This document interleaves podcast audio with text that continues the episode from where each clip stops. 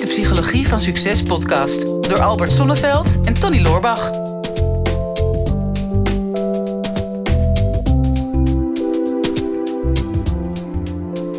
Tony, ik heb een case. ja, dat is nu heel grappig. Mensen weten natuurlijk niet meer om. Voorgesprek. Ja, jij zegt, heb je een vraag? ik zeg, nee, ik heb een case. Oh ja. Omdat Henk ziek is. Maar um, nou ja, een case die ik, waar ik veel mee te maken krijg... Um, in mijn begeleiding van uh, leidinggevenden en executives... is dat ze de opmerking hebben, it's lonely at the top. Ja. Dat ze het gevoel hebben van, nou, ik sta er echt alleen voor, vaak. En dat zijn dan vaak CEO's van bedrijven of managers of uh, DGA's van bedrijven.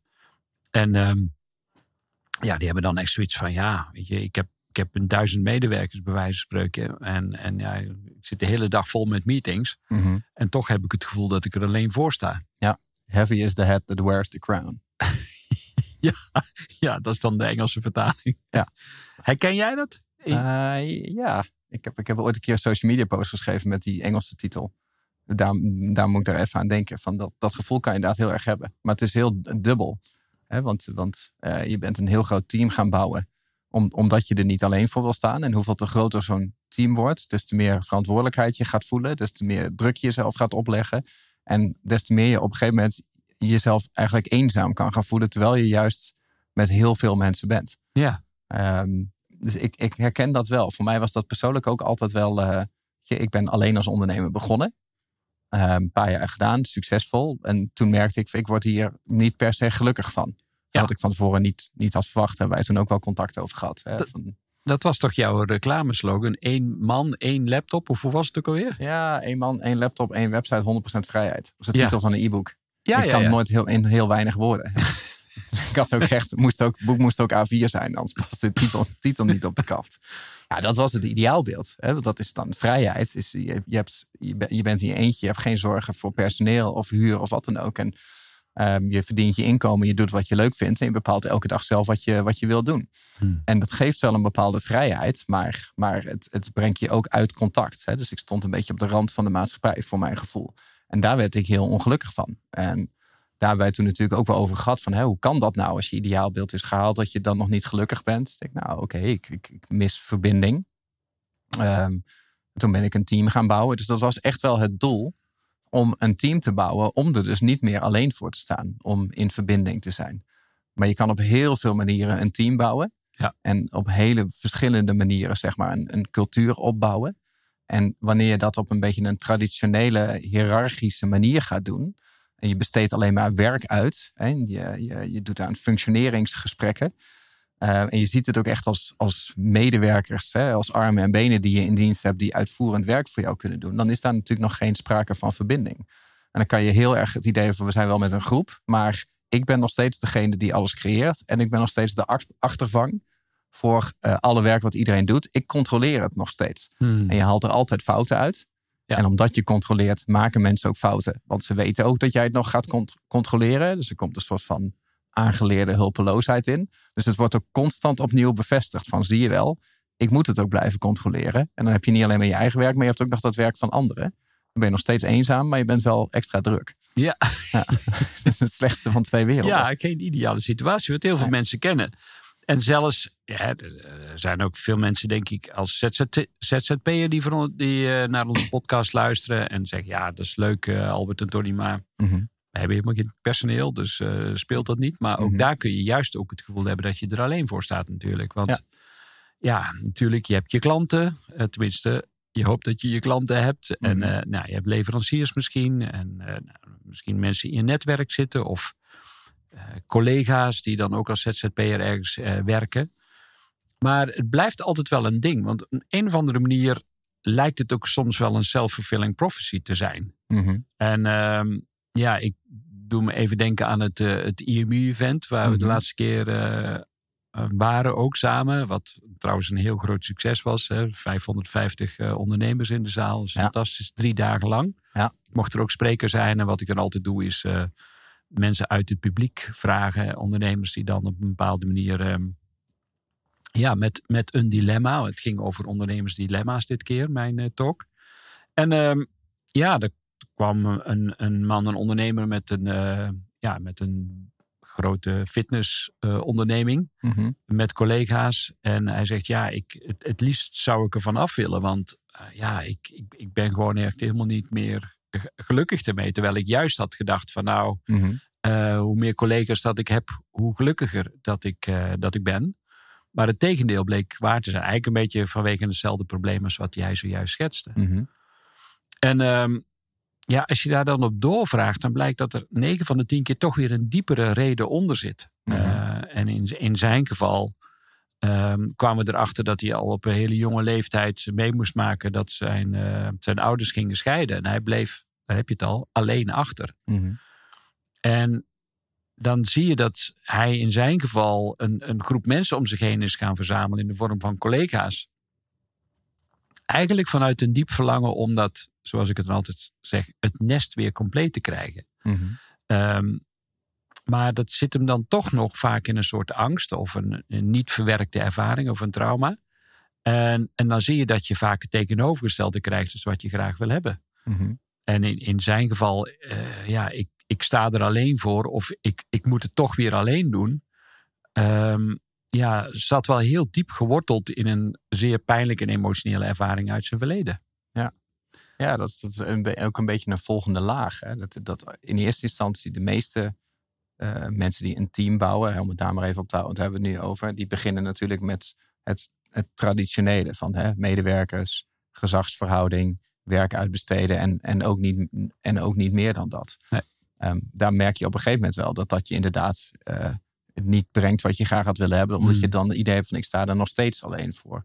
Dus je zult die mensen die met jou werken, die zul je iets moeten geven waardoor ze gelijkwaardig aan jou worden, zodat ze met jou gaan werken in plaats van voor jou gaan Ja. werken. Dat je het idee hebt dat je er niet meer alleen voor staat. Ja. Ja, daarvoor komen andere waarden dan naar voren, hè? zoals eh, een stukje autonomie wat mensen krijgen, Eh, maar ook loyaliteit naar elkaar. Hè? Of dat je letterlijk vertrouwen kan hebben in, in je eigen team. Alleen om iets te ontvangen, zeg jij vaak ook mooi, moet je eerst beginnen het te geven. Zo gaat het. Alles, wat, alles wat je wil krijgen in je leven, dat zul je moeten verdienen. Ehm, loyaliteit van je team, dat koop je niet met een salaris, maar loyaliteit, dat is iets wat je verdient. Eh, vertrouwen van je team in jou, koop je ook niet met een salaris, maar vertrouwen, dat verdien je. Hmm. En hoe verdien je vertrouwen?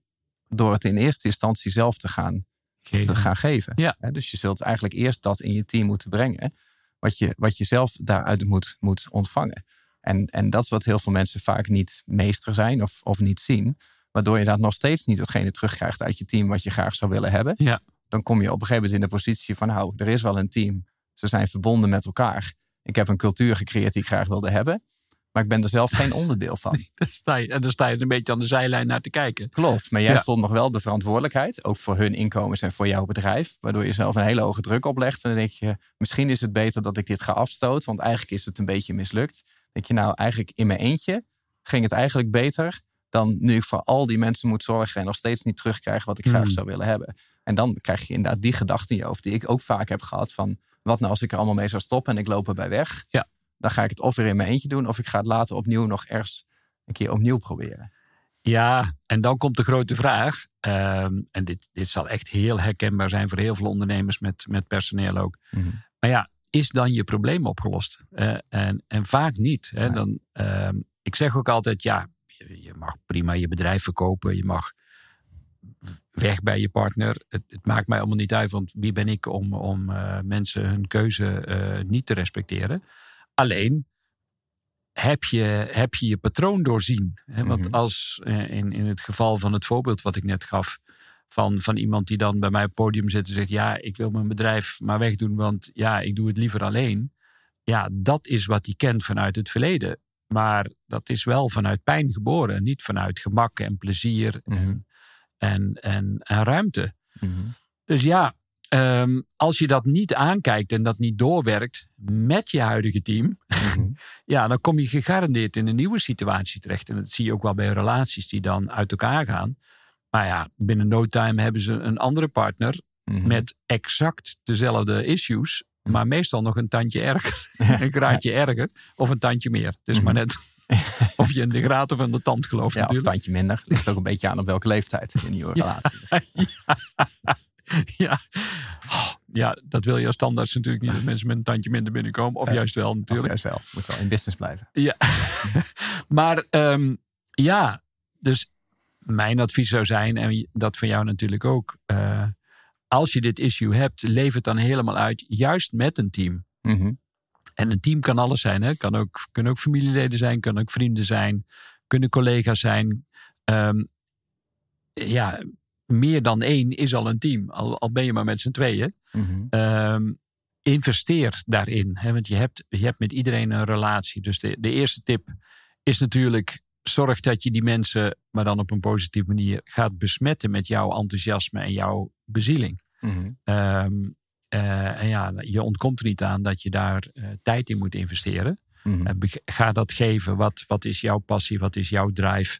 En hoe breng je dat over op andere mensen? Mhm. Nou, door een sfeer of een ruimte eh, te creëren waarin mensen worden uitgenodigd om hun eigen enthousiasme ook te voelen en dat ook vol te gaan leven. Mhm. Dat is wel de eerste tip, hè, die ruimte te creëren. Mhm. Ja, en het, het tweede, eh, minstens zo belangrijk, is: ja, wij denken altijd, oh ja, een team, dat het allemaal uit dezelfde mensen bestaat. Maar tegelijkertijd, diep van binnen weet je al, dat is gewoon kansloos. Eh, want mensen hebben in feite, als ze bij jou het bedrijf binnenkomen wandelen, twee belangrijke elementen, namelijk motivatie en competentie. Maar ze zitten zowel op het motivatieniveau als op het competentieniveau op twee vaak totaal verschillende lagen. Mhm.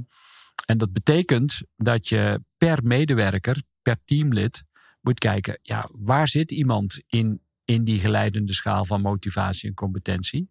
En dat betekent dat je per persoon iedereen individueel zal moeten aansturen Mhm. op de fase van zijn ontwikkeling waar hij op dat moment is. Mhm. Nou, en dan, gaat een andere podcast ging erover van ja, eh, ja, zeker als je meer medewerkers hebt, daar heb ik allemaal geen tijd voor. Nee.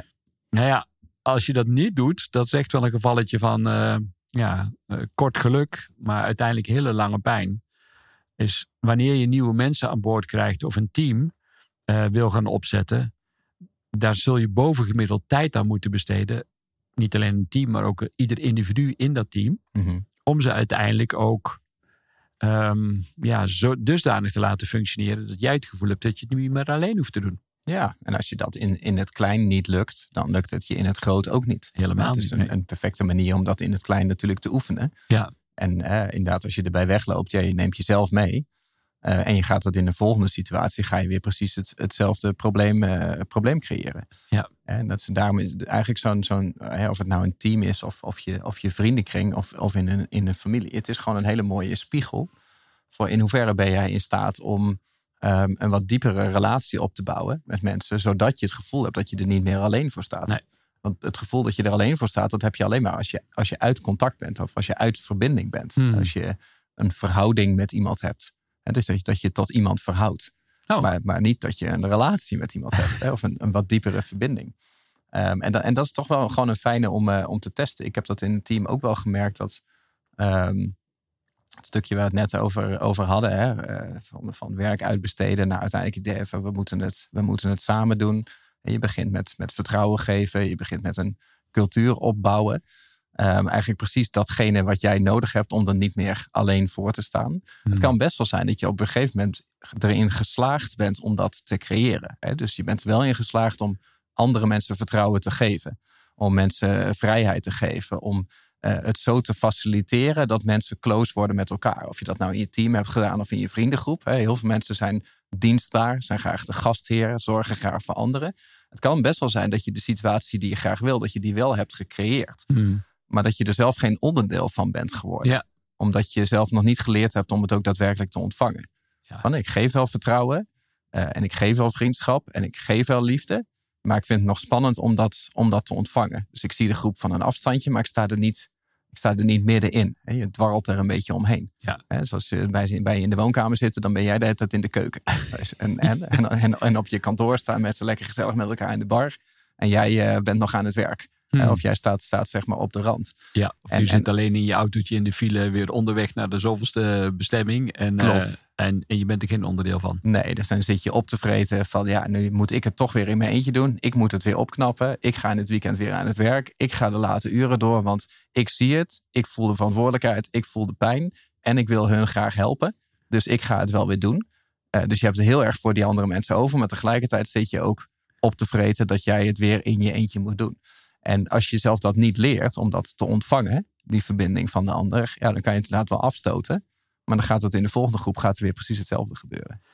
Ja, dus ik sta er alleen voor, of ik moet het altijd weer alleen doen. Um, is een symptoom, is het gevolg, is niet het probleem. En dat moet ik er ook altijd weer bij zeggen.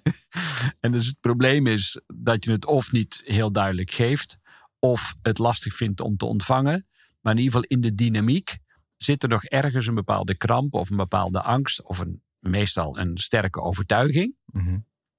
Die ervoor zorgt dat het resultaat, het gevolg is dat je er alleen voor staat. Mhm.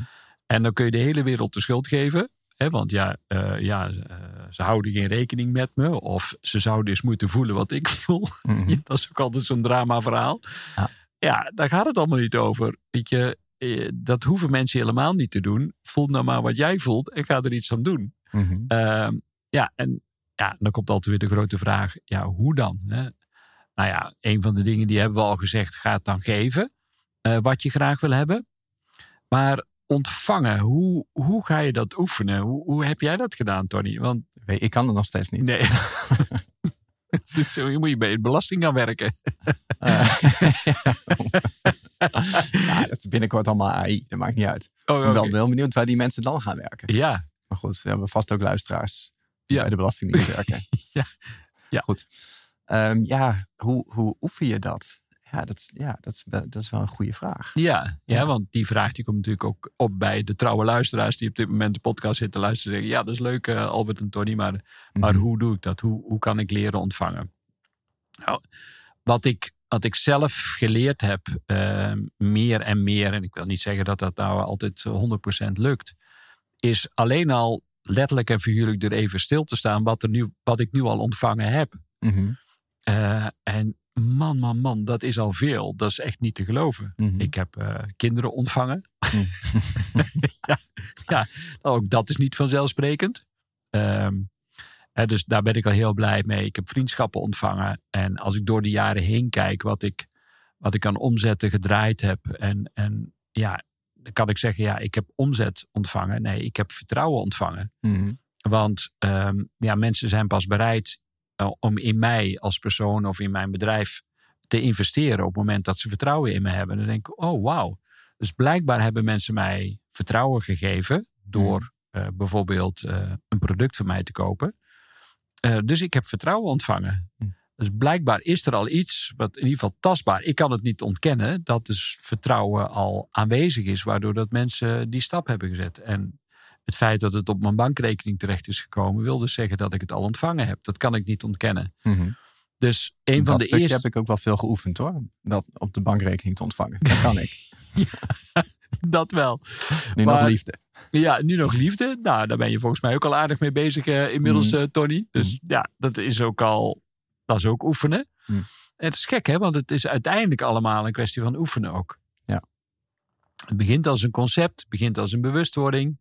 Maar ja, uh, ja de volgende stap is inderdaad, oké, okay, je realiseren wat er allemaal al is, wat je al gekregen hebt. En dan kun je wel afvragen, wat, wat heb ik dan gedaan? Wat zit er dan in mijn gedrag? vaak is dat heel natuurlijk of heel onbewust. Niet eens in de gaten hebt. Je zegt van ja, mensen zijn er helemaal graag bij. Hè? Ik noem maar even wat. Ehm, ja, misschien omdat ik zonder oordeel ben naar andere mensen. Of misschien omdat ik altijd een luisterend oor ben. Of, mm nou, je gaat dan wel met die vraag ontdekken van... hé, hey, blijkbaar doe ik al een aantal dingen waardoor dat ik ontvang. Mhm. Nou, eh, welk van die dingen die ik doe gaan redelijk moeiteloos zou ik die misschien nog wat meer kunnen doen? Welke dingen waar ik echt moeite mee heb, zou ik die wat kunnen afbouwen? En zo ga je voor jezelf zwaar een soort um, ja, traject in, waarin je steeds meer dat vertrouwen of wat je dan maar wil ontvangen, dat je dat ook echt steeds meer gaat toelaten in je leven. En dan wordt het een ja, tweede natuur. Wat denk je daarvan, Tony? Een tweede natuur. Ja. ja, nou ja, het zal fijn zijn. Dus één, één natuur is dan zeg maar zo karig. Hè? Ja. ik, wil altijd, ik wil altijd meer. Ja, ja het is, ja, oefenen heb jij natuurlijk over. Um, en, en wat jij in het verleden ook vaak als advies hebt gegeven bij eigenlijk elke moeilijke vraag die ik had. ehm, is uh, maak die innerlijke dialoog nou eens extern. Hm. en, en eigenlijk het gevoel van ik sta er alleen voor is ook een soort van innerlijke dialoog die je voert. dus je hebt een bepaalde stress uh, van, van je team of van je vriendengroep of wat dan ook. En die, en die spreek je eigenlijk niet uit. Nee. En als je hem wel uitspreekt, dan is het meestal zo hoog opgelopen dat het een, dat het een verwijt is. Hè? Kunnen jullie nou ook echt helemaal niks alleen? Dat wat er, wat er, dan, wat er dan uitkomt. Ja. En soms is het wel fijn om dat gesprek gewoon aan te gaan. Uh, in, in welke vorm dan ook. Hè? Wij waren ooit uh, met, met Team IMU, waren we toen in Joya bij jou. Ja. In, uh, in Frankrijk. En toen was, hadden we ook heel veel van dit soort gesprekken. En toen was bijvoorbeeld een van de onderwerpen die naar voren kwam, ging bijvoorbeeld over het, het, stukje geld wat binnenkwam. Hè? Dus de omzet die binnenkwam. Wij deden dan af en toe uh, grote productlanceringen. Um, en bij zo'n grote productlancering kwam er dan ineens een hele een dikke klap omzet binnen. Maar omdat je met z'n allen aan zo'n lancering werkt en iedereen is daarbij betrokken, wil iedereen ook weten van hoeveel hebben we verkocht. En iedereen weet de verkoopprijs, dus je kan dat niet geheim houden, zeg maar, Nee. hoeveel er verdiend wordt. Um, dus, dus als je ineens met een klein team werkt en je verdient bijvoorbeeld ineens uh, een, een, ton in een maand, ik noem maar even iets, en iedereen weet dat, maar iedereen houdt wel zijnzelfde salaris. Dat was bijvoorbeeld een vraag die ik mezelf dan stelde: van wat, wat vinden zij daarvan? En daar zit natuurlijk ook een beetje die kloof onder. Hè? Dat Ja. je het idee hebt van oké, okay, ik, ik weet wat het allemaal kost. Ik weet wat we normaal gesproken allemaal doen. Hoe we hier zijn gekomen. En zij zien waarschijnlijk alleen maar dat piekmoment. En als je daar niet samen over kan hebben, dan ga je die kloof juist wat, wat groter maken. Hè? Dat je het er misschien ook niet over wil hebben. Of dat je dan, ik, weet, ik ben gerechtvaardigd om die omzet voor mezelf te houden, dat dat niet verdeeld wordt. En dat was bijvoorbeeld een van de vragen die we toen in Joya hebben gehad. Daar heb ik toen letterlijk aan het team gevraagd: van als dit zich voordoet, hoe kijken jullie daar dan naar? Hmm. Heb je dan het idee dat als dat binnenkomt, dat ik dat dan de volgende dag bij de Albert Heijn uit te geven, zeg maar? Of bij de Jumbo. Of, of bij de Jumbo, hè, kan ik twee keer zoveel kopen. Of, of hè, heb je daar een ander, deel bij, uh, ander beeld bij? Vinden jullie dat dat terecht is? Of hebben jullie het idee dat dat anders verdeeld zou moeten zijn? En we merkten al dat het onder het team dat het of helemaal niet leefde, of dat, dat mensen daar dat terecht vonden, of daar eigen gedachten over hadden. En dat, dat maakte de dialoog al heel erg, al heel erg open. Ja, Het nou is ja. misschien een heel mooi voorbeeld van. Ja, ja, ja. dus uh, de tip, de extra tip die mensen er nu nog bij krijgen, Mhm. vraag niet hoe het kan, maar profiteer ervan, Ja. is maak je interne dialoog extern Ja. met de mensen om je heen. Precies. Heb jij Ja. nog een uh, bekrachtigende vraag? Ja, het is dat je het vraagt. Ja. Ehm, wat kan ik vandaag doen om meer verbinding met mezelf te ervaren en vervolgens met mijn omgeving? Uh, het antwoord is innerlijke dialoog extern maken. Bijvoorbeeld. Ja, er zijn veel meer dingen. Hè? Dus, dus je grootste issue bijvoorbeeld vertrouwen. Dus wat kan ik vandaag meer doen Hm. om meer verbinding met mezelf te krijgen en met de mensen om me heen? Er is altijd iets wat je kunt doen. Het is net Mhm. als met in een bedrijf kun je altijd minimaal 10% bezuinigen. Mhm. En denken, huh, kan dat? Ja, je zult merken op het moment dat je daarop gaat focussen, dan, dan is het er. Nou, hetzelfde geldt ook voor verbinding maken. Als je vindt dat je, dat je er alleen voor staat, wat zou je vandaag meer kunnen doen om verbinding met jezelf te maken? Mhm. Eh, en daardoor ook met de mensen in je direct, directe omgeving. Mhm. Ja. Voel ook nog een goede gelukje aankomen. Jawel hè, ik Ja. zie het aan jou. Zo, ja, we frommelen zo een beetje aan het einde van de podcast. De volgende podcast gaan we proberen om het in het midden te doen. Ja, dat, wat in het midden te doen, Tony. nou, een van deze twee dingen. Oh, oké, Een bekrachtigende oké. vraag. Of Ja. het goede geluk. Ja, heerlijk. Nou, het, is een, het is een lange, maar neem deze week de tijd om een lijstje te maken van de belangrijkste mensen in jouw leven. Dus nou, dat moet dan lukken. Sommige mensen zijn dan heel snel klaar, anderen zijn nog even aan het schrijven.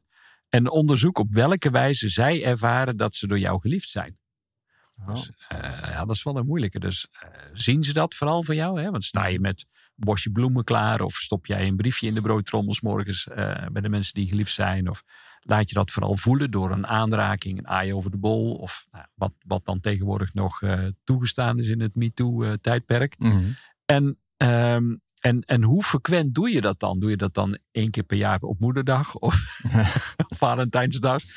Of doe je dat random? Of, en dus, dus de mensen om je heen, wie zijn geliefd? Hoe ervaren zij dat ze door jou geliefd zijn? Mhm. En hoe frequent doe je dat? En op welke manier laat je dat dan zien? En als je dat lijstje helemaal gemaakt hebt, ja, plan daar dan tijd voor in. eh, om dat ook werkelijk te gaan doen met mensen. En kijk eens hoe dan die connectie steeds dieper kan worden. En eh, ja, steeds rijker ook in alle opzichten. Hmm. Dus dat is eh, de opdracht voor deze periode. Ja, ik heb wel een leuke, leuke afsluiter daar misschien voor. Ik heb dat laatst wel het over het IMU-event. Ja. Ehm, daar heb ik dat eh, op het podium ook een stukje over verteld. Ja, over van hè, welke mensen, op wiens schouders sta je? Hè? Of op Mhm. welke mensen leun je? Zonder welke mensen zou je niet zijn wie je bent. Om ten eerste al daar bewust van te zijn. En vervolgens te kijken van, kan ik, kan ik daar een investering in doen? En dan ging het bijvoorbeeld ook bijvoorbeeld over liefde. Ik zei van, weet je, voor alle mannen in de zaal. Zeg, op het moment dat je het idee hebt dat de relatie waar je in zit, dat het vanzelfsprekend begint te worden. Dus je moet eigenlijk dan even op een datingsite gaan met de foto van je vriendin. Dus maak eens een profiel gewoon aan met de foto van je vriendin.